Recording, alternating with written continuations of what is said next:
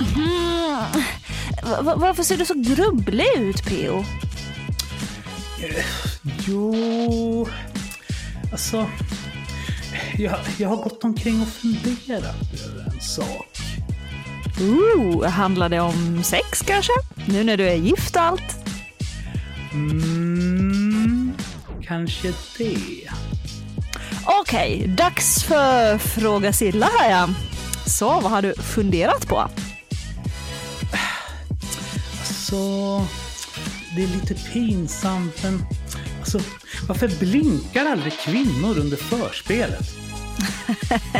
Men det förstår du väl? Mm, nej. Ja, men vi hinner ju inte.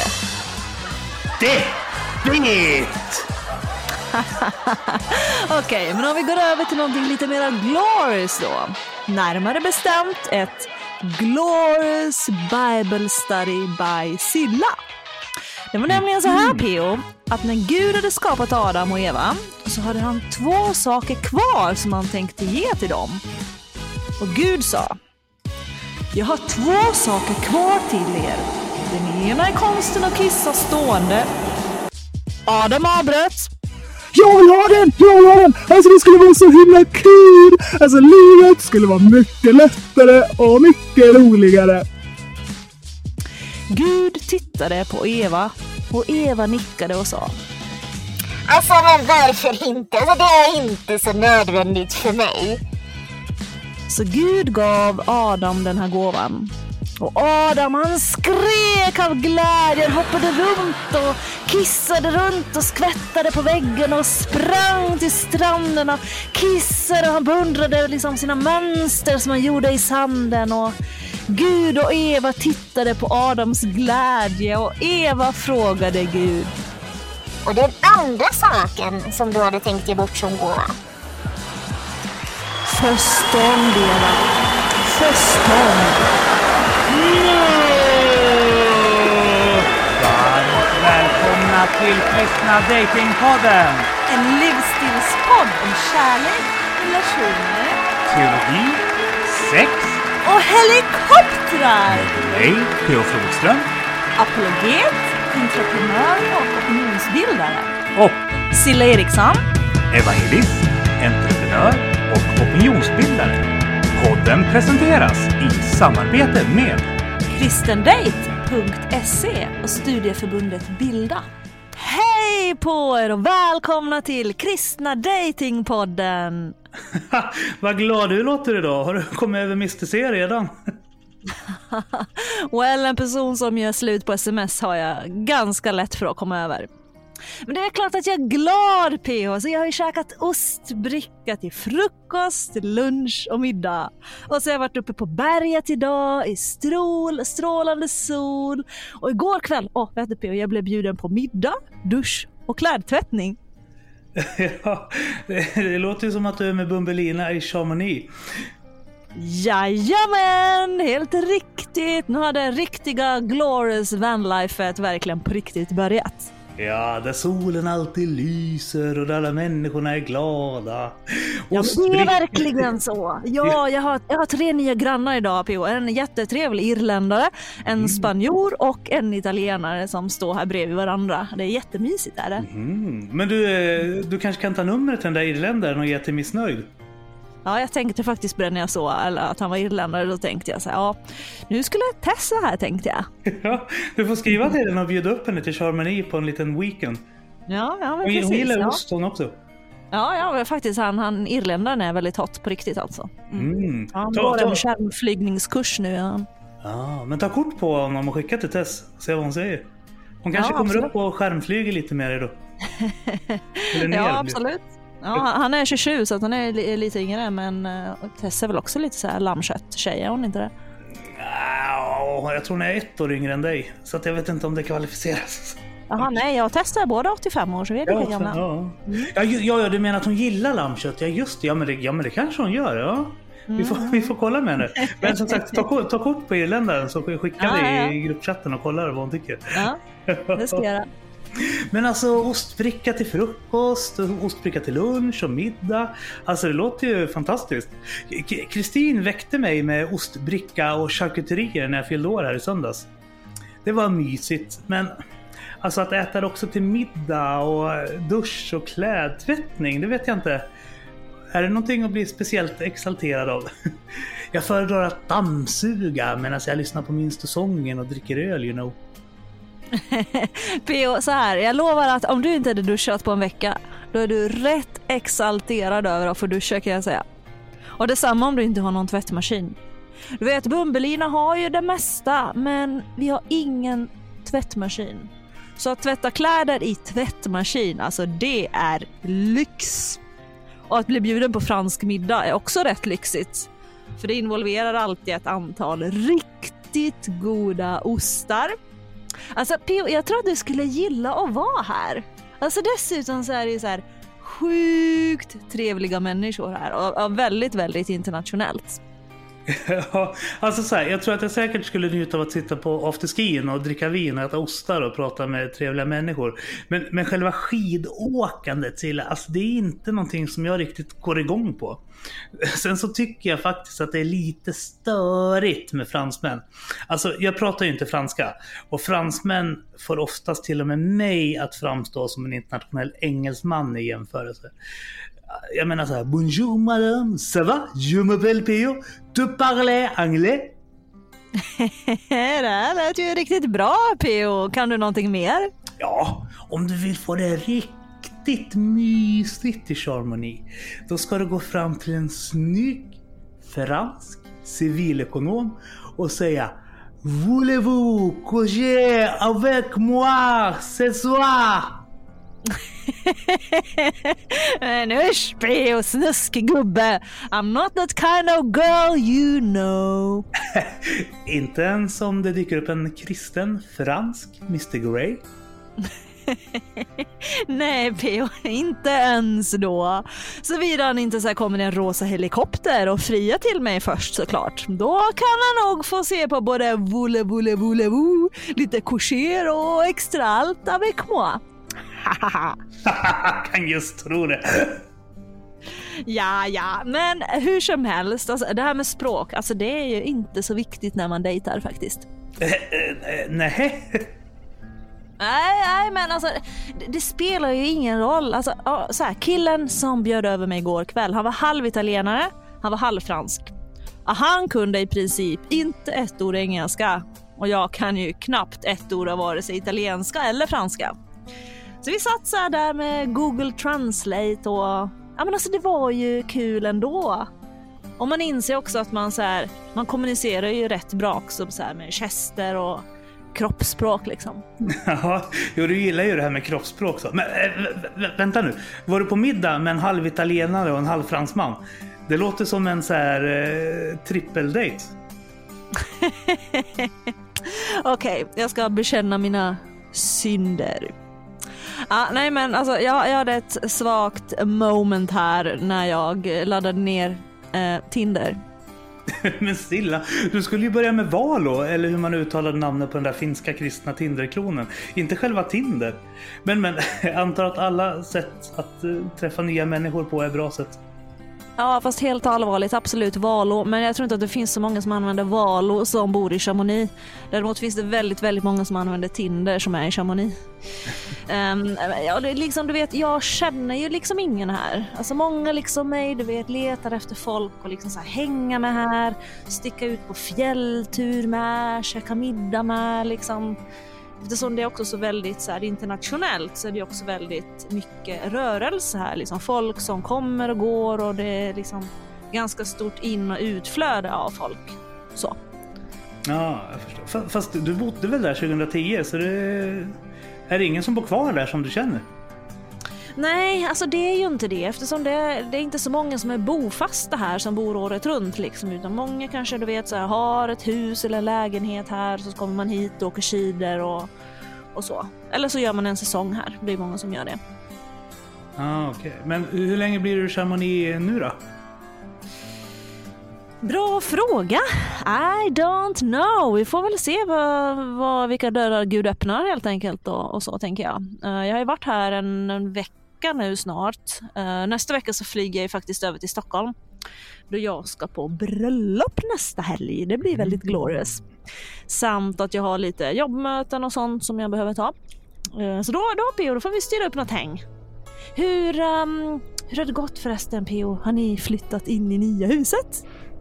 Ja, alltså, alltså det är typ kaos här. Det, det, det är lådor överallt. Att flytta från 360 kvadrat till 144 kvadrat det är liksom en utmaning. Men som tur är, alltså Magnus och Sofia Wahlström är fantastiska. Så de har fixat så att vi kan använda Ådalskyrkans vind. Men ändå, trots att vi har en hel kyrkvind så hade jag inte gjort mig av med en tredjedel av mina saker innan flytten så hade det här gått åt skogen. Oj, oj, oj, tänk P att, ni, att du har så mycket saker. Det är helt otroligt. Du bor på 144 kvadrat, jag bor på 6 kvadratmeter PO. Och jag helt allvarligt, jag har så mycket space. Du skulle kunna få ha lite lådor här hos mig. Det finns fortfarande utrymme här i Bumbelina kan jag säga. Mm. Men, uh, ja, nej, men alltså, jag kan tänka mig att det är mycket pyssel med alla prylar, absolut. Det är ju inte precis som att du liksom inte har några grejer som sagt. Men, du kommer bli ehm, proxy-stressad bara av att så här, navigera mellan alla lådor när du kommer hit. Jo, jag kan just tro det. Men hur går det för Doris PO? Är hon förvirrad över att flytta? För hon har ju väl inte bott någon annanstans än huset i Borlänge? Ja, oh, alltså hon är ju född i Örebro våren 2015 och sen så bodde hon där de första två åren av sitt liv. Men alltså jo, jo, hon trivs. Eh, däremot vår nya katt trivs inte. Så jag tänkte ge bort henne till Solbritt. När kommer hon att hälsa på? Äh, men vänta Pio, nu hänger jag inte riktigt med här. Vadå, har ni skaffat en katt? Du kan ju inte ge bort Doris till min mamma. Doris kommer ju käka upp mammas hund. Nej, tok nej. Jag har lovat Doris att hon ska få bli din hund när jag och Kristin får barn. Så din mamma kan inte få henne. Det är Jackson jag tänkte ge till din mamma. Eh, P.O. Jackson, vem är det? Alltså han är världens gulligaste katt. Alltså han är rödhårig och vill kela hela tiden. Det är så en extra allt myskatt. Men alltså P.O. när har ni skaffat katt? Har ni liksom så här skaffat en katt som ni vill bli av med inom loppet av bara en vecka P.O. Det, det låter ju lite märkligt. Ja, alltså. Han ingick i huset. För, förra ägarna tänkte avliva honom då han inte gick ihop med katterna på gården som de hade tagit över från sina föräldrar. Så att eh, jag adopterade honom så att han inte skulle behöva flytta till katthimlen. Men nu är han så här olycklig. För han, han vill ligga i sängen och gosa med mig och Kristin. Men Doris låter honom inte ens komma i närheten av sovrummet. Hon bara... Mm, ja, jag, jag förstår utmaningen där. Alltså, Doris är ju sjukt muppig mot vissa djur och människor. Jag kan förstå att hon liksom känner sig lite så här avundsjuk då. Hon är ju van att få ha dig och Kristin för sig själv. Ja, fast hon gillar dig så jag tror hon kommer bli en bra vänhund. jo, P.O. jag märkte. Hon gillar ju det här med tungkyssar och Doris blir ju till och med överkurs för mig. Sjukt på! Men du, vi får ju inte glömma bort P.O. att vi har ju något vi ska bjuda in våra poddlyssnare till också idag. Ja, precis! Det är ju snart jul och julen är ju fantastisk. Det är ju våran favorithögtid, Ja, P.O. det är sjukt glorious. Alltså jag älskar verkligen julen. Japp. Så att jag och Silla kan idag glatt meddela att även i år blir en KDP julfest. Fast i år blir det ingen lilla julfest, utan i år blir det en riktig julfest. ja, alltså skillnaden där är ju att lilla jul alltid då firas första advent, alltså första lördagen i december. Men i år så har vi då valt att ha julfesten en vecka senare. Då blir det alltså julfest lördag den 10 december. Ja, och i år tänkte vi ett litet annat koncept. Jag var ju milt uttryckt lite missnöjd med både lokalen och maten förra året. Så jag tänkte att vi kan göra en mycket bättre fest med mycket mer saker fast för väldigt mycket mindre pengar. Det låter väldigt bra P.O. men hur tänkte du, hur då? Det tänkte jag att vi ska berätta mer om i nästa avsnitt Silla. För nu ser jag att Jeanette loggar in i vår digitala studio här och väntar på oss. Ooh, kul! Jeanette Ingemarsson från Föräldrapeppen. Alltså det kommer bli alldeles glorious. Men P.O. vad ska vi käka på julfesten? Är det du som kommer göra maten förresten? I och för sig, då kan jag garantera allihopa att det kommer bli helt glorious. Vi, vi, kan diskutera det nästa helg Silla. Ah, Okej, men eh, du, vi måste ju underhålla gästerna. Ska vi köra något roligt quiz i år också? Eh, på Kahoot som vi körde förra året. Ja, jo, jo, men vi kommer kunna göra det och mycket, mycket mer i En tro på landets lokaler som vi får låna helt gratis till årets fest. Men mm, Silla, vi kan väl göra ett specialavsnitt om det sen i november då det närmar sig. Ah, ja, ja, ja. Jo, men ba, det, det måste det måste bli mingelbingo och annat skoj. Alltså vi vill ju så här att vi vill ju få folk att prata med varandra, att man ska så här, du vet så här träffa och lära känna nya människor. Och även om man inte är singel så är det ju kul liksom att så här, för, att man träffar nya människor och liksom lär känna lite nytt folk så här. Det är glorious. Ja, ja men precis, och det är det vi ska prata med Jeanette om också. Just det här om hur vi kan bli en församling som umgås mer med varandra och kan ha upp, mer öppna hem och bättre relationer med varandra och sådär. Eh, och, och absolut Silla, vi ska verkligen betona att julfesten är, upp, julfesten är öppen för alla, både singlar och par och sådär. Jag är ju själv som alla vet vid det här laget gift numera. Ja, tänk PO att du äntligen är gift. Ja men precis, alla är ju välkomna och vi har ju även märkt att det faktiskt är väldigt, väldigt många par som eh, lyssnar på podden. Ja, jo, jo, och vi har ju haft lite funderingar på hur vi kan liksom utvidga inriktningen lite och sådär. Men vi, kan, vi kanske kan prata vidare om det senare. Jag, jag släpper in Jeanette nu Silla, så att vi kan förbereda veckans intervju medan vi lyssnar på veckans låt som är inskickad av Andreas och Mari Wirsén. Och efter det återkommer vi som sagt med Jeanette Ingemarsson från Föräldrapeppen! Yay!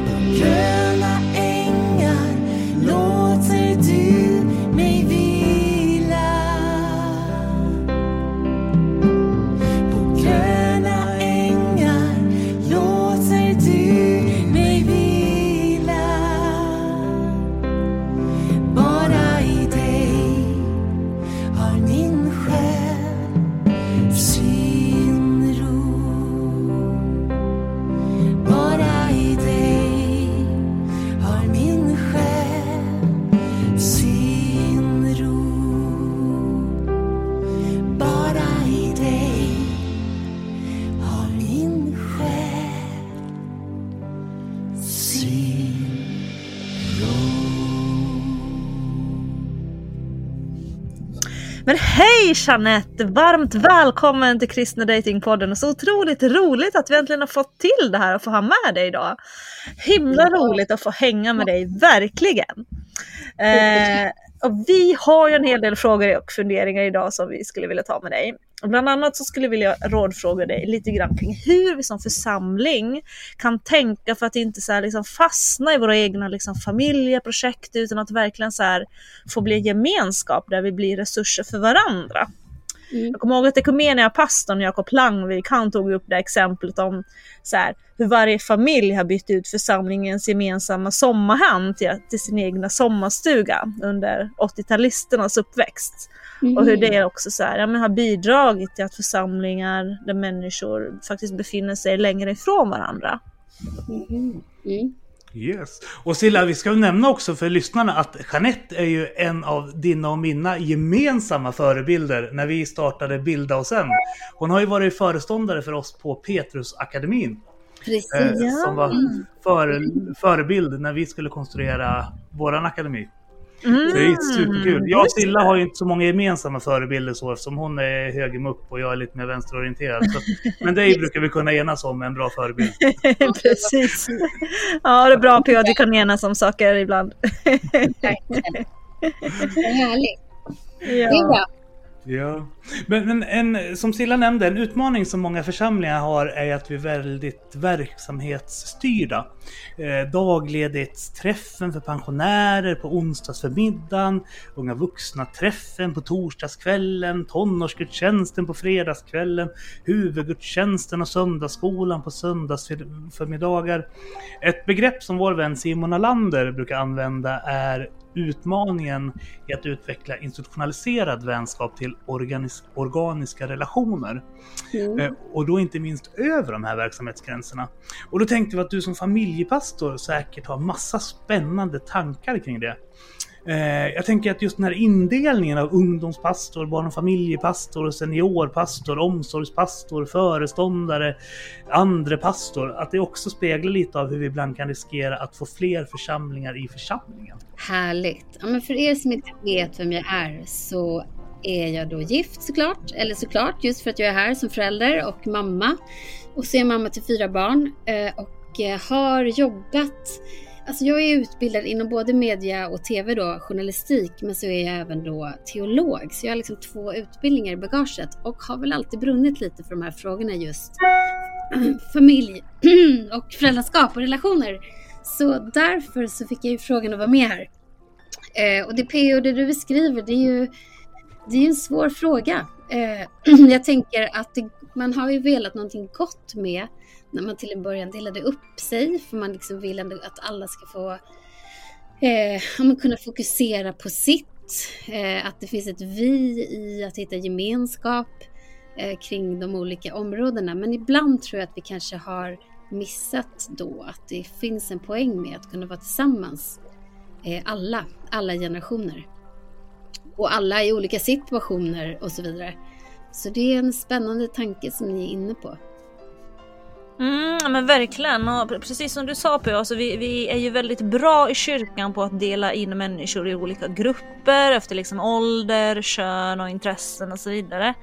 Och jag tror ju inte alltid att det är bra. Att, alltså absolut, i viss utsträckning kan det vara bra. Så jag kan verkligen förstå så här att man vill ha liksom mamma eller pappagrupper så här för nyblivna föräldrar. Man kan ha kvinno och mansfrukostar ibland liksom och det kan fylla en funktion. Men alltså i det stora hela så tror jag att vi behöver bli bättre på att liksom så här, ja, men skapa aktiviteter där både ungdomar och äldre även kan delta. Ja, men till exempel liksom filmkvällar, bibelkvällar, middagar och så vidare. Det är ju liksom saker som alla kan delta i, även över generationsgränser, tänker jag. Ja men verkligen. Jag håller helt med. Jag är enig. Eh, helt sant. Så finns det ju lite olika sätt att ta sig dit. Men jag tror verkligen att ni är inne på ett viktigt spår. Ni har ju då en podd, om jag har förstått er rätt, för singlar och dating eller nu får ni rätta mig här, men det är mitt om jag har förstått. Och där kan man ju också se, det är ju inte så lätt om man bara skulle då hänga med massa småbarnsföräldrar eller eh, ja, ni vet, vi går ju igenom olika perioder, så jag fattar ju lite poängen i att man till en början har delat upp sig, men sen tror jag att det har gått lite långt, så att vi har glömt bort kanske att det är ju helt okej att hänga med varandra, trots att vi inte bara utåt sett har så mycket gemensamt. Ja, en av de största utmaningarna som många församlingar gav uttryck för när jag jobbade med Här för att stanna eh, projektet på Bibeln idag var just hur man för över människor från ungdomsgänget och ungdomsgudstjänsten till den stora församlingen.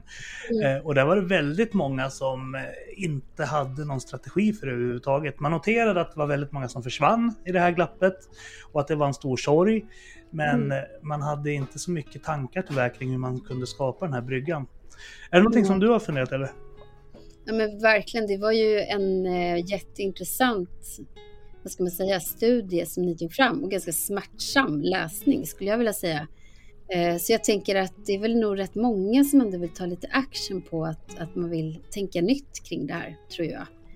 Eh, och en del som jag vet att en del pratar mycket om, om man tänker då i den situationen jag är, föräldraskap, så kan man tänka typ så här, eh, i kyrkan då, om jag går med mitt barn, så kanske han eller hon, de är, om vi säger då 80 timmar per år i kyrkan. Men som förälder, då har jag ju ungefär 3000 timmar med mitt barn. Så att redan där kan vi ju se vilken otrolig, vad viktigt det är att kyrka och hem hela tiden går sida vid sida så att, så att vi, vi föräldrar kan behöva lite mer inspiration. Hur, hur kan jag dela tro? Hur kan jag prata? Var, hur ska jag vara? Och så vidare med våra barn. Och jag tänker att det även gäller det ni är inne på. Vi behöver liksom hitta ett gemensamt vi i saker. Och där tror jag man kan tänka jättespännande. Man kan tänka det skulle ju, om jag tänker utifrån mina barn då, så skulle inte, de behöver andra vuxna omkring sig. Eh, som inte är mamma och pappa. Liksom. De behöver få höra annat och få, få fler vuxna förebilder omkring sig. Det tror jag vi kan hitta ganska mycket gemensamt i. Du, när du ändå är inne på föräldraskapet, för du driver ju en podd som heter Föräldrapeppen. Mm. Eh, och en av de starkaste framgångsfaktorerna som fanns eh, vi sammanställde ju två stycken grundstenar och åtta stycken byggstenar som ni som lyssnar gärna får gå in och läsa mer om på harfarattstanna.org. Mm. Eh, men en av dem som jag tänkte vi skulle prata om nu är det här med positiva vänskapsrelationer. Och många föräldrar brottas ju mycket med det, om hur de kan bidra till att deras barn får så goda förutsättningar som möjligt att bygga de här positiva vänskapsrelationerna inom församlingen. Det är ju en jättebra fråga P.O. Jag tänker att du är en förebild där. Jag kommer ihåg att du har ju umgåtts vid ett bord där det är ganska många olika människor som sitter, eller hur? Om jag inte minns fel. Eh, att det kan vara människor som man inte har samma åsikt som eller som man inte har eh, alltid bara hängt med och så vidare. Det tänker jag är en start eh, som även vi föräldrar behöver tänka på att se till att man umgås med människor som, som är olika den man själv är. Det är så lätt nämligen att man tänker att man ska umgås med sådana som är exakt likadana, har barn exakt samma åldrar, gärna samma intressen. Jag tror vi gör varandra en stor tjänst av att också fylla bordet med människor som är olika, tycker olika, men respekterar varandra såklart. Det ska inte sitta och bli någon sån konflikt. Men eh, vid vårt matbord då till exempel så kan det ju verkligen rymmas både singlar och eh, äldre människor, yngre människor, barn, hundar. Ja men ni fattar. Jag tänker att det är en väg att börja som förälder. Eh, Mm. vi, vi, vi vill ha in fler människor i vårt liv, inte bara de som är exakt som vi. Mm, och det är en väldigt fin tanke tycker jag. Och där är- får man ju återigen säga P att du är ett väldigt fint och bra exempel på det. Eh? Du är verkligen en person som omfamnar alla människor och ger utrymme till alla människor. Det tycker jag är en Mm. otroligt eh, fin egenskap med dig, verkligen. Och att Eh. man också får komma fram med sin... För jag tror det där, det vet vi ju liksom i det jag stod i Petrusakademin. Om man låter alla få komma till tals Mm. och respekterar till och med att vi kommer inte komma överens om det här. Mm. Då kan det bli ganska bra samtal. Mm, verkligen, verkligen. Någonting som jag också tycker är superspännande. Jag hörde häromdagen av en god vän till mig som är psykiatriker. Att det som formar barn lika mycket som föräldrars uppfostran är faktiskt vilka vänskapsrelationer, Mm. vänskapsrelationer som barnet har. Mm. Och barnets vänner är otroligt viktiga och formar barnet väldigt, väldigt mycket i tidig ålder. Eh, Och det är ju faktiskt, när man Mm. börjar tänka på det så inser man hur otroligt viktigt det är också. Mm. Vilka människor ett barn blir omgiven av från Mm. tidig ålder. Så att verkligen som förälder vara medveten om det tänker jag också. Vilka vänner har mitt barn? För att det formar otroligt mycket. Ja, Så. nej men verkligen. Och där gäller det ju också att vi, om man då tänker församlingsbiten som vi var inne på. Det finns ju så mycket guld i att vi kan ge varandra just den här bredden. Det är inte många andra sammanhang, om man ska tänka positivt med församling, hur många andra sammanhang finns det den här rikedomen av att man samlas i alla generationer för någonting? Det finns det ju inte nästan i någonting i om man kollar på föreningsliv eller annat. Så det finns ju en otrolig guldgruva i att hitta det. Mm. Eh, att också fördjupa lite relationer med olika människor. Mm. Verkligen. Nej, men otroligt eh, fint att ha det nätverket. Det är någonting som jag personligen borde jobba mera på. För man ser till sig själv också så här, så det är ju människor som, som ser ut som jag, som tänker som jag och som gör ungefär samma saker som jag gör. Det är ju de människorna som vi oftast har i våra liv. Så ibland inser man det där och liksom tänker att nej, men man borde tänka till där. Jag tror att man, det leder till att man själv också utvecklas väldigt mycket om man vågar gå bortom det där liksom vad man är van vid. För det, man har ett visst, visst mönster, det ser man ju när det kommer till relationer också, vilka man Mm. väljer att liksom släppa in i sitt liv. Verkligen. Mm. Ja, men så är det ju. Så att, och sen kan ju det förändras. Och jag tänker här, när du sa det här om den här psykologen då, eller liksom att man att viktiga, ja, man är med viktiga personer tidigt. Det är svårt att påverka sen när man kommer upp i skolålder, förskola. Alltså jag har ju massa situationer där jag bara, ah, men alltså jag skulle slänga ut de här barnen. Mm. För att jag tycker det var dålig påverkan på mitt barn. Och det är klart jag inte gjort det. Jag är ju ingen eh, så, men det är klart att man kan se. Ja, nu har jag... Då är vi tillbaka. Det vart något konstigt där. Vi använde ju Ja. För att Det spela var in. jag som flög ut så här, fram och tillbaka så att nu, nu är vi tillbaka här. Eh, Ja. En annan form helt enkelt för att jag inte ska flyga ut som en jojo. Det är Ja. något med min dator så ni får skylla på mig helt enkelt att det blev rörigt. Mm, ingen fara. Ja, men vad var vi? ja, Silla, du hade nästa fråga. Och en annan sak som jag tyckte var fascinerande med den här rapporten PO som ni hade Eh, var också hur viktigt det tycks vara med generationsöverskridande relationer i församlingen. Visst var det så att ni identifierade eh, det som en av två grundstenar som ni menade att behövde ligga till grund för de åtta byggstenarna?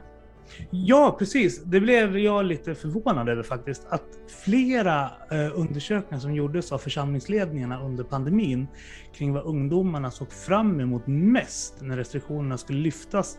Det var inte LAN, det var inte konferenser eh, och eh, annat som frågeställarna hade förväntat sig, utan det som de såg fram mest emot, det var att kunna börja umgås med församlingens äldre igen. Eh, och det här blev en väldigt positiv, visserligen, men ändå en överraskning för oss. Vad är dina tankar Jeanette kring det? Har du mottagit liknande signaler under dina år som familjepastor? Ja, men om jag utgår då från kanske min familj känns nog enklare om det är okej. Vi, vi har en, fyra barn, de är i åldrarna 22 ner till 11, liksom, så här spannet. Och om jag då tänker lite, vi, vi, hade, vi har en liten huskyrka här hemma där vi ses hemma i vårt vardagsrum och äter mat och sen har vi lite bön och lovsång med ganska många olika generationer.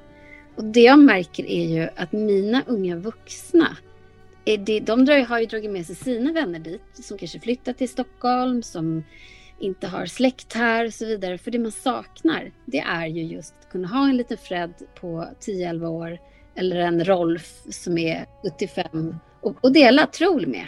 Så att jag tror att det där är jättebra och där kan man tänka då om vi pratar praktiskt. Det finns ju gemenskapsgrupper och massa sånt som man kan utveckla till att det inte behöver vara så styrt med bara mammor, bara pappor, bara singlar, bara unga. Det är ett sätt att, att skapa en blandning. Liksom. Mm, ja, men verkligen. Och jag, jag tycker det är lite intressant också att det faktiskt är så att de yngre liksom under pandemin har saknat de äldre. Ja. Och jag Ja. tänker att det kan ha att göra med dels så har ju äldre också varit tvungna att vara lite mer försiktiga med vilka de träffar då många äldre också tillhör riskgrupper. Därför så har vi inte fått umgås med dem i samma utsträckning som jämnåriga. Och att det också har lett till att yngre har fått, ja men faktiskt sakna de äldre lite grann. Mm. Och det känns ju på något vis tycker jag ändå så här sunt och fint. Att yngre liksom inte tar de äldre för givna utan att de har faktiskt fått sakna dem lite grann. Det tycker jag är fint. Ja. Och ömsesidigt kan jag också tänka. Eh, att det finns liksom någonting, att det här vi hade för givet inte var för givet. Och då insåg vi hur mycket vi ville ha det. Ja, så jag tror, jag tror generellt, eh, Jeanette du var inne på det lite tidigare, men att just församlingsvärlden har en unik möjlighet att kunna utgöra just en sån här extended family i, när Mm. församlingen fungerar som allra bäst. Eh, Mm. och, och Silla, du brukar ju prata om det här med hur Sverige är världens ensammaste, eh, norra Europas till och med brukar du säga, norra Europas ensammaste land Mm. och att Stockholm är Skandinaviens ensammaste stad tror jag. Eh, och, Mm. och min fördom är väl kanske lite grann också att det just är storstadsförsamlingar, där du har jobbat Jeanette, som det kommer och går människor i ett flöde, är de som får mest utmaningar på det här området. Ifall det saknas ett medvetet tänk kring hur nya människor snabbt ska fångas upp i en mindre gemenskap där det inte blir anonyma. Eh, Du har ju varit engagerad i bland annat Hillsong men även Filla, två stor, storstadsförsamlingar. Eh, och eh, just Hillsong är den enda församlingsplantering som jag i alla fall känner till som verkligen fungerat i västerländska storstäder. Eh, vi tänkte att nu när det bara är vi tre här, eh, ingen annan som lyssnar, så kanske du skulle vilja dela med dig av hemligheten. Hur gör man för att skapa förutsättningarna för att kunna bli en växande storstadsförsamling? Alltså nu är jag varken Andreas Nilsson eller Niklas Pienso, men det jag kan säga är väl att, att eh, jag tror det handlar jättemycket om smågrupper. Eh, och att man har, att det liksom snabbt fångas upp. Hej, är du ny här? Eh, att det är tydligt, vart ska jag gå? Jag är liksom, om man kommer till en församling där det kanske har blivit lite mera vi går dit allihopa, det är ganska samma människor som kommer. Eh, och man kanske reagerar, åh det är ny här, hur ska vi göra nu? Liksom. Det är nästan lite så här svårt. Men i de här församlingarna där det är ett flöde av ständigt nya människor, då blir det lätt att man är du ny, då kan du gå ner till logen där, för där finns det mer information. Behöver du gå med i en smågrupp så kan du gå dit. Att man mer kanske har det i sitt, vad ska man säga, DNA. Att det liksom finns. Vi vet att det kommer vara nya människor här och de kommer känna sig superobekväma. För det gör alla som är nya någonstans. Och då finns det en tydlighet kring det. Det tänker jag att man också kan ha i, i mindre församlingar. Att man tänker att det kanske kommer någon ny.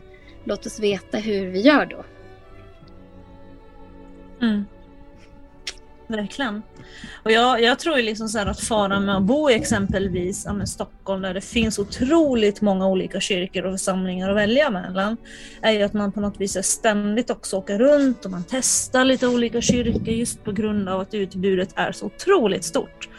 Eh, och jag tänker att resultatet också kan bli då att man inte riktigt så här, ja, men planterar sig någonstans. Det blir lite grann liksom det Tinder-fenomenet. Eh, och jag kan ju också på, på ett sätt känna att jag själv har fastnat lite i det. Eh, trots att jag nu har bott, vad blir det, tre år? Fyra år i Stockholm. Så jag är fortfarande inte medlem i någon kyrka i Stockholm. Eh, och nu kanske det dels också har att göra med att jag liksom inte har tänkt att jag ska stanna i Stockholm utan jag har liksom lite grann sett det som en busshållplats på väg till nästa ställe. Men nu har det ändå blivit så att jag har varit här i tre år. Men har du några så tips till oss unga vuxna eh, för att inte bli liksom Tinder-skadad Mm. just av att utbudet är så enormt? Mm, ja. Eh, nu ska jag bara se där. Jag tänker att det är en jättebra fråga och jag tror att den frågan även kan röra oss som är föräldrar och barn och man inte liksom det är inte så lätt för utbudet är stort. Eh, mitt råd är väl att eh, ja, men tänka så här, jag går hit. Vad är min intention? Vill, jag, jag har dig i tre år. Jag hade tänkt kanske, okej, men jag ger det här tre månader. Sen ska jag bestämma mig vilken församling jag kanske kan tänka mig att ge mitt hjärta all in till. För det är ju någonting när man ger all in till någonting. Sen kommer det alltid kunna vara så att man kan gå på någon annan gudstjänst eller man kan, kan liksom. Men tipset är väl att ja, men bestäm dig för någonting som är all in. Men du behöver inte göra det efter första gången. Det finns ju någonting att man går runt och man kanske känner att ah, det här, de här, så här är det här. Eller man kanske hittar människor som man klickar med. Eh, Så jag, jag har ju bland, jag, jag har en del unga vuxna omkring mig och det har väl varit mitt ständiga råd att gå runt lite först. Men sen kan man ändå bara, nej men nu är jag här och det är inte perfekt. För vet ni vad, det finns ju ingen församling som är perfekt. Mm. Att man lite så bara bestämmer sig för, det här är ändå, det här var det jag sökte och det fann jag här. Typ. Och det ser så olika ut eh, för olika människor. Eh, men om man, och sen får man bara, nu är jag här ett år. Och sen som du då tänker, då kan man tänka, ja men jag är här nu. Och sen kommer jag ändå Mm. vara någon annanstans. Eh, och så behöver man inte göra, jag tänker att vi ibland gör lite för stor sak av det. För att det är så pass viktigt för oss. För det är det ju. Men vi gör så stor sak av det så att vi eh, kanske glömmer bort att det viktiga är att vi faktiskt går dit för att fylla på med tro, fylla på med gemenskap och sen har vi ju möjlighet att göra massor annat under hela veckan eh, också. Och, och vara på andra ställen eller ja, så tänker jag då. Mm, jag tror att för mig har det nog handlat väldigt mycket om att jag känner att där jag slår mig ner och liksom planterar en kyrka, då vill jag också liksom känna att jag verkligen liksom kan committa mig och verkligen liksom vara så in bra saker och verkligen liksom, jag vill ju verkligen, jag är en sån människa som jag vill ge väldigt mycket. Mm. Och det har man känt lite grann så här och så kan det bara vara här lite tillfälligt, ett år eller vad jag nu tänkte. Mm. Så då blir det också det här att då känner jag inte att jag liksom vill committa mig på det sättet och kanske liksom verkligen plant, alltså slå, mig, slå mig ner i en församling där för att jag liksom känner att jag, då kommer jag inte liksom committa mig på det sättet som jag verkligen vill. För vill jag verkligen kunna vara med och verkligen bidra, det, det, så är det ju verkligen. Mm. Um, Och jag tänker typ så här, man åker iväg på en eh, missionsretreat med en bibelskola i tre månader och gör en insats. Det Mm. betyder ganska mycket för dem du gör det för, men det betyder ganska mycket för dig också. Och då har man bestämt sig för, de här tre månaderna är jag i Chile och Mm. gör det här och det här. Så att kanske att man ändå kan så här hitta ett sätt, mm, ja men det här är inte för tio år. Eh, Mm. Det här är för den här tiden och sen kan vi se. Jag är en Mm. extremt rastlös person och Mm. eh, har frilansat hela mitt liv. mm, Så jag har Mm. gett, om någon skulle säga så här till mig, Nette, nu ska vi ha dig här i fem år. Alltså jag skulle Mm. bli helt strypt. Liksom. Jag funkar inte. mm, Men för mig att tänka, ja men jag är här ett år och sen får vi se.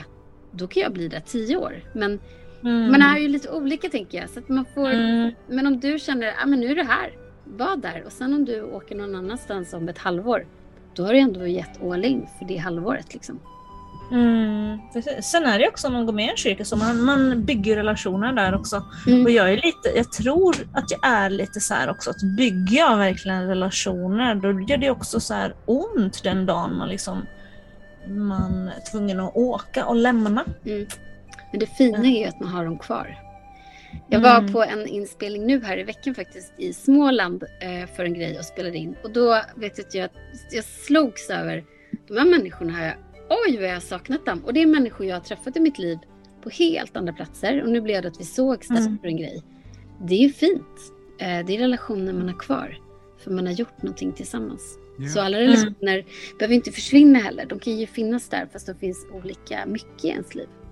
Mm, nej, men det är helt sant. Sen tänker jag att det är lite grann som Alf B Svensson brukar säga, att så här, hitta någon att älska, älska den du hittar. Att du, Mm. du behöver till att börja med inte gifta dig med alla som du tar en kopp kaffe med. Och eh, jag tänker att det är lite samma sak med, med en församling. så att eh, Våga, som du säger, eh, pröva och gå runt. Men Mm. sen någonstans landa i att ja, men, det här sammanhanget känner jag att Gud vill att jag ska vara i. Och att då Mm. öva på att lära sig älska det sammanhanget med dess fel och brister. Så. Mm. Ja, men lära sig att älska. Om man tittar på Jesus, liksom, det är väl den bästa förebilden. Att lära sig Mm. att älska andra människor. Det skulle ju göra allting så otroligt mycket lättare. Eh, helt enkelt. Och lära sig det. Så det tror jag är en, en bra grund. Och lära sig att älska sig själv och lära sig älska den man är är också en del som Mm. Men, men jag tror ändå på att man, precis som i en relation, så, så måste man ju bestämma sig. Jag behövde bestämma mig för Gabbe. Eh, och det är ett beslut vi har tagit. Vi älskar varandra men det har ju verkligen inte alltid varit lätt. Det delar vi i vår podd rätt ärligt. Men det är ju just det att vi ändå har bestämt oss som gör att vi jobbar för det. Och där tänker jag samma sak med en församling. Eh, Mm. Det kommer ju kunna vara en smekmånad men sen kommer det kunna vara en tid då man bara ah, man är frustrerad på allt men nu har jag bestämt Mm. mig för att jag är här. Det gör det hela lättare. Mm. Ja. Mm. Och det kan vi väl passa på att rekommendera också. På Spotify går man in på Föräldrapeppen och så är det avsnitt ett, två, två va? Som Ja, du refererar precis. till Vi är, lite, ja, vi är lite ärliga där i början, liksom, hur det hade kunnat Mm. gå snett. Liksom. Ja. Mm. Mm. Eh, Du sa, du sa Jeanette, att det här med kärlek också handlar väldigt mycket om ett beslut. Och det är väldigt många som, som har just sagt att kärlek är ett beslut. Mm. Men hur, ehm, hur mycket skulle du säga att känslor spelar in då? Eh, jag tänker ändå att känslor, attraktion behöver finnas. Verkligen. Men att det ändå handlar väldigt mycket om att i slutändan att man fattar ett beslut om att nu väljer jag dig. Mm. Eh, men hur mycket, hur mycket ska man låta känslorna komma in och påverka då? Jag tänker att känslor är ganska svårt också. Jag vet inte, men ibland är det Mm. ju känslor förvill, förvillen. I alla fall mig och mina ja, Mm. unga vuxna som jag har haft omkring mig. Och, och liksom det kan vara svårt att veta var känslorna vill ta en. Ibland kan man ju ha så mycket känslor så att det är svårt ens att, att vara sig själv med någon. Mm. För min del kan jag tänka att känslor är jätteviktigt. Det är viktigt för mig att jag tycker min man är attraktiv och att han är snygg och liksom att vi har Mm. den kemin. Det är ju en jätteviktig del av livet. Liksom. Mm. Eh, super, super viktigt. Men samma vis så är det viktigt för mig att för mig var det viktigt att vi kunde prata om allt. Eh, Mm. faktiskt. Och, det, och även att vi kunde ha riktigt roligt ihop. Jag behövde få känna att jag kunde skratta med någon. Det var en sån här ingrediens för mig som, som jag vet att alla inte har. Men jag kände att jag ville det. Eh, och det gör vi. Eh, Mm. liksom. Så jag tänker att man hittar det som är... Sen finns det massa saker som jag störde ihjäl mig på. Och det gör jag fortfarande. Men jag har Mm. bestämt mig för honom. Eh, och Mm. jag tror att för vår del så var det, det var det som gjorde det liksom. Att vi, ja men det är vi. Oavsett nu så kör vi liksom. Eh, och vi har Mm. liksom på något vis och, och ibland har vi tagit hjälp när vi inte har känt känslor. Eh, men eh, ja, Mm. jag tänker det här med känslor som du säger, det är ju så otroligt individuellt också. Så det är Mm. svårt att, att säga. Jag har två äldre döttrar, ingen av dem har känslor på samma vis. Liksom. Men, Mm. men det jag har sagt till dem är att, att men man ska, man ska, man ska, man har, jag har också haft kompisar, singlar länge som Mm. dejtat. Bara, alltså, Anette, han är så ful, men han är trevlig. Men jag kan ju försöka. Det tänker jag. Nej, men jag tror faktiskt inte att Mm. man ska behöva det. Eh, Jag tror ändå att man ska känna att jag tycker han är fin. Även om alla andra inte tycker det. Så tycker du det. Mm. Jag tycker det är viktigt. Eh, faktiskt. Mm. Och attraktion kan ju finnas på så många vis. Men, men mitt råd är väl typ att eh, ge det lite tid. För mig kom inte det så här, jag blev inte pangkär på en gång. För jag funkar nog inte så. Det, tar, Mm. det tog lite tid för mig. Liksom. Eh, men sen blev det. Där pratade, vi om, Svar. där pratade vi om i avsnitt 67 Silla. Där du berättade Ja. om eh, dina äventyr här under våren. Ja, precis. Ja, just det. Mm, nej, men precis. Nej, men alltså, jag, jag, tror, jag tror jag är inne på det också, att ibland behöver man ge saker tid. Det är faktiskt så. Det ligger också någonting i det där att fatta ett beslut. Mm. Faktiskt. Det händer någonting när man bestämmer sig för att göra det. Det påverkar också känslor. Många säger att man inte kan påverka känslor, men jag skulle vilja säga att man faktiskt kan göra det till viss del. Ja, men jag tror faktiskt det. För att man kan lära sig att älska bristerna hos den man då har bestämt sig Mm. för. Eh, och för att man kan bestämma sig för att se det andra. Liksom. Jag kan Mm. ju se... Jag har ju också brister. Liksom. Och han Mm. älskar mig trots det. Ehm, och det är väl det som jag kan tycka blir det vackra liksom, eh, i en Mm. relation. Att det liksom handlar om känslor på så många olika vis. Det handlar Mm. om känslor för mig att det finns ingen annan som känner mig så väl än Mm. vad han gör. Mm. Det är också en känsla, men det är inte en attraktion. Liksom. Mm. Eh, så jag tänker att där tror jag att du kommer hitta. Liksom, vad, vad är viktigt för dig? Vad, vad vill du? Mm.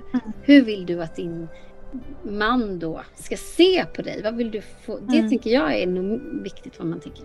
Och för mig var det bland annat prata och humor. Mm.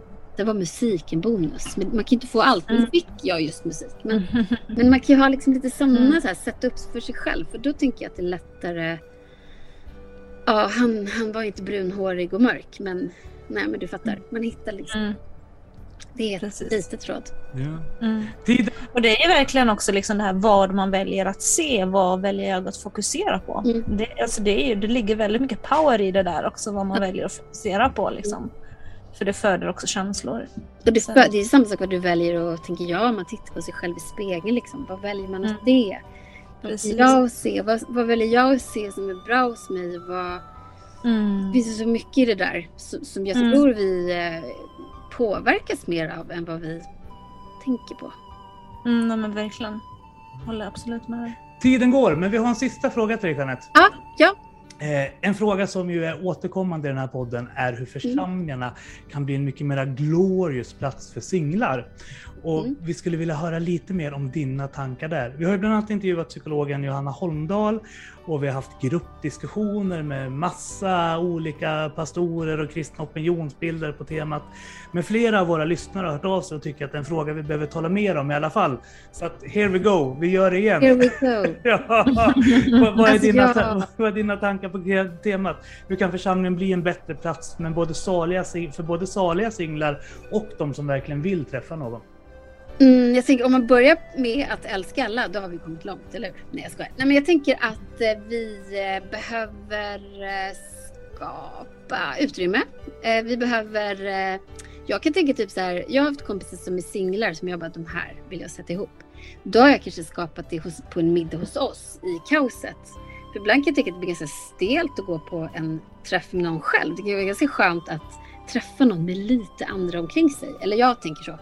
Det kan vara ett sätt att man kan tänka att man kan dra med sig singlar till saker. Kanske inte alltid skapa de här, nu är det jag då, men singeleventen. För mig skulle det bli en otrolig press. Eh, men så funkar jag. Eh, men man kanske kan hitta lite så här, vi ser till att det är en blandning av människor och vem vet vad som händer. Så tänker jag. Och sen tänker jag framför allt, om man tänker så här två personer som är ensamma, singlar, separerade eller vad de är. Tänk att liksom kunna tipsa. Det har jag gjort med en del. Jag tycker ni Mm. två ska komma över till oss på en middag. För jag tror att det finns något mellan er. Och ibland har det verkligen inte blivit någonting. Men middagen blir ju ofta trevlig ändå. Men det där är jag verkligen funderat över. Varför? Alltså, nu vet jag inte om det bara är här i Borlänge, men här i Borlänge Pingstförsamling så pratar vi om fenomenet att vi är så dåliga på att bjuda över och hem varandra till varandra. Eh, trots att det, det är inte så att det är liksom klickare som umgås, utan det är så här, människor umgås inte med varandra utanför församlingen.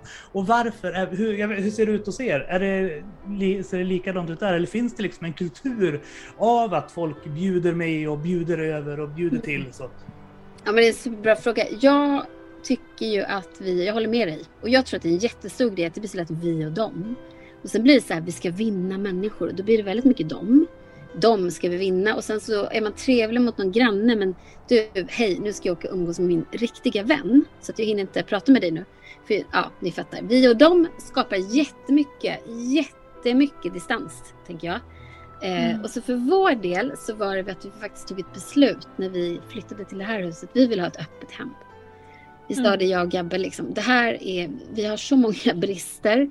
Men det vi kanske var bra på, att det var någonting som vi enades om. Vi vill att det här, vi har förmånen att ha ett stort hus. Vi vill att det ska vara fullt med människor. Och så har det liksom blivit. Men det var ju också det här beslutet igen. Vi bestämde oss för att vi ville ha ett öppet hem. Och sen har vi nog jobbat lite för det. Det kan fler göra. Det är så berikande att ställa fram en extra tallrik. Eh, och våra barn, nu bor inte alla hemma, men de har också varit ganska bra på då att ta med sig folk hem. Eh, så jag tänker att vi kan kanske hjälpa varandra i det. Det är väldigt kul att umgås med fler vid bordet. Och det behöver inte vara så pretentiöst. Man kan köpa pizza, hämtmat. Det behöver verkligen inte vara så att man ska stå... Jag står verkligen inte... Det, det hinner jag inte. Men det går alltid att lösa liksom. Mm. Det låter ju precis som dig PO, det som hon beskriver, för du är verkligen duktig på att öppna upp ditt hem för alla människor. Det känns verkligen så här som att du har ett sånt, du, du, tar all, du har alltid liksom ett öppet, en öppen dörr för de flesta människor. Det tycker jag är väldigt, väldigt fint. Jag, det har, jag har haft så förut, men alltså desto äldre jag blir så märker jag att det är lite slitigt också. På grund av att Mm. människor blir osams med varandra. De blir inte osams med Mm. mig, men de blir osams med varandra. Och då Mm. tar det väldigt mycket energi från mig som jag känner att jag får mindre och mindre av för varje, varje år som går. Så. mm. Ja, men jag fattar. Så jag är Men ett annat tips, för det det är här att jag blir mer strömlinjeformad kring hur jag umgås med vilka samtidigt. Så.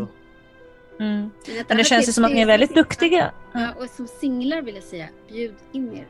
Är det folk ni gillar, bjud hem. Säg hej, får jag komma förbi?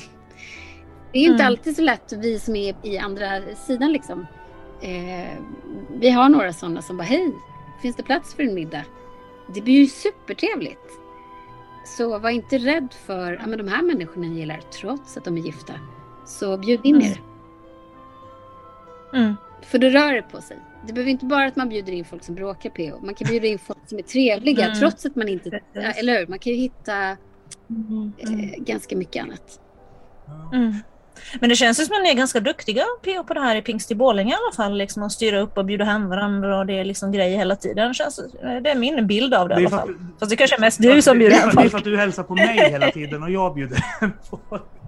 Jag tänkte säga det kanske är du som bjuder hem Men alla. det som är signifikant, om du tänker efter, de flesta som du har träffat när du är här, det är andra pingstvänner eller liksom motsvarande inom evangelikal kristendom. Hade du och jag lärt känna varandra för tre till fyra, fem år sedan så hade du träffat på en mångfald av olika personlighetstyper. Du hade träffat på nazister, du hade träffat på AFA-aktivister, eh, andra moderater precis som du. Men på grund av att min energinivå av att liksom hantera människor som blir arga och skriker på varandra och mitt tålamod för det också blir mindre och mindre för varje år som går har min umgängeskrets blivit mer och mer strömlinjeformad. Plus att människor dessutom har blivit mer och mer att man vill inte umgås med människor utanför sitt eget kluster. Så åsiktskorridorerna har, har liksom växt högre och högre så att människor kan explicit fråga kommer den komma också? Nej men då vill inte jag komma. så. Och det där vet jag inte om det hänger ihop med att vi blir äldre och därför umgås med andra som är äldre eller om det är att hela samhället har blivit mer och mer polariserat. Så. Det vet inte. Mm. Ja, nej, men det, det som jag tycker är så spännande på att få hälsa på dig, det är att man alltid träffar nya människor där. Och det är ju definitivt inte alltid kyrkfolk. Så är det ju absolut inte. Jag har ju träffat väldigt mycket intressanta människor hemma hos dig P.O. Ja. Som inte är kristna. Ja, ja, men det är ju Mm. kul i så fall. att det... Mm. Verkligen. Men Jeanette, vad tycker det där med polariseringen och att vi får svårare och svårare för att umgås med människor som inte är som oss? Är det någonting du ser också eller är det för att jag kommer från sån extremt stor mångfald från början? Alltså just både NSF skinheads och AF-aktivister på samma fester hemma hos mig. Och att därför blir allting utanför den extrema eh, motsättningen. Mm. eh, Jag tror vi har det i oss lätt, att det är bekvämast. Jag tror alla har det. Det är skönt att umgås med likasinnade. Men för min del så kanske det är så att jag har blivit tvärtom. Att jag liksom öppnar upp mer än vad jag gjorde. Jag var i ett sammanhang där alla var extremt så. Och är fortfarande så. Eh, och det är bra för dem. Men jag tänker att det finns någonting berikande. Och inte minst för barn. Att se att eh, världen är större. Mm. Jag tänker att man, man får liksom andra perspektiv av att höra att alla inte tycker som mamma och pappa. Mhm. Där är vi helt överens. Yes. Med det Jeanette så vill vi tacka Ja. jättemycket för det här gästspelet i Kristna Datingpodden. Om, eh, om, om tio år när antingen jag eller Silla har blivit förälder så kanske vi blir inbjudna till föräldrapeppen och få... Eller hur? Man vet inte. Det är ju liksom ingen aning. Då kanske det är någon så här mor och farföräldrapeppen istället. ja. Man vet ju inte, eller hur? Ja, jag och Silla försöker hitta en ny, någon form av ny profil på den här podden nu. För jag gifter mig om Mm. en månad med Kristin. Just det. Eh, Silla är på ett track till, till, samma, till samma slutdestination eh, med Mr. Ja. C, även om det är lite längre fram så i tiden. Och, och så då är frågan, vad ska, vi, vad ska vi göra då? Vad- Vad ska bli vårt nya poddprojekt? Så? Just Ja, jag tycker vi ska bredda den. Kristna relationspodden är mitt förslag. Ja, Mera så här, relationer på ett mer övergripande Ja, plan. men vi vill blir inte bli föräldrapeppen, så här, en kopia av Jeanette och Spodde. Nej, Vi måste hitta något eget. Så. Det tror jag inte ni Ja. är oroliga för. Jag kan tänka, vad, vi behöver alltid mer av det mesta. Så man behöver inte vara så orolig för, för det. Tänk vad många kyrkor det finns. Det är väl bara Mm. underbart om det finns fler relationspoddar. Vem skulle inte älska det? Mm, precis. Mer Det finns mera intervjupoddar än relationspoddar. Det kan vi ju komma överens om i alla fall. Så kör, säger jag. Och Yeah. stort, Men stort slut... tack att jag fick vara med. Var rädda om er. Bjud in er till matbord nu tycker jag. Ja, men Silla, ska vi bjuda hem oss till, vi ska vi med bjuda hem oss till Jeanette någon gång? Det låter ju trevligt. Eller Ja, hur? det tycker jag vi ska göra. Ja. Det Absolut. är bara att bjuda in er. Det Ja. finns alltid Ja. plats. Härligt. Men då, då ser vi fram emot det sen när jag och Kristin blir stockholmare. Eller ja, Kristin är ju redan stockholmare. Men när jag blir stockholmare också. När Silla kommer tillbaka från Finland. Det blir glorious. så bra. Ni är Ja. så välkomna. Men, er. Snälla, jätteroligt att ha dig med. på veckans avsnitt. Och Silla, vill du önska dem?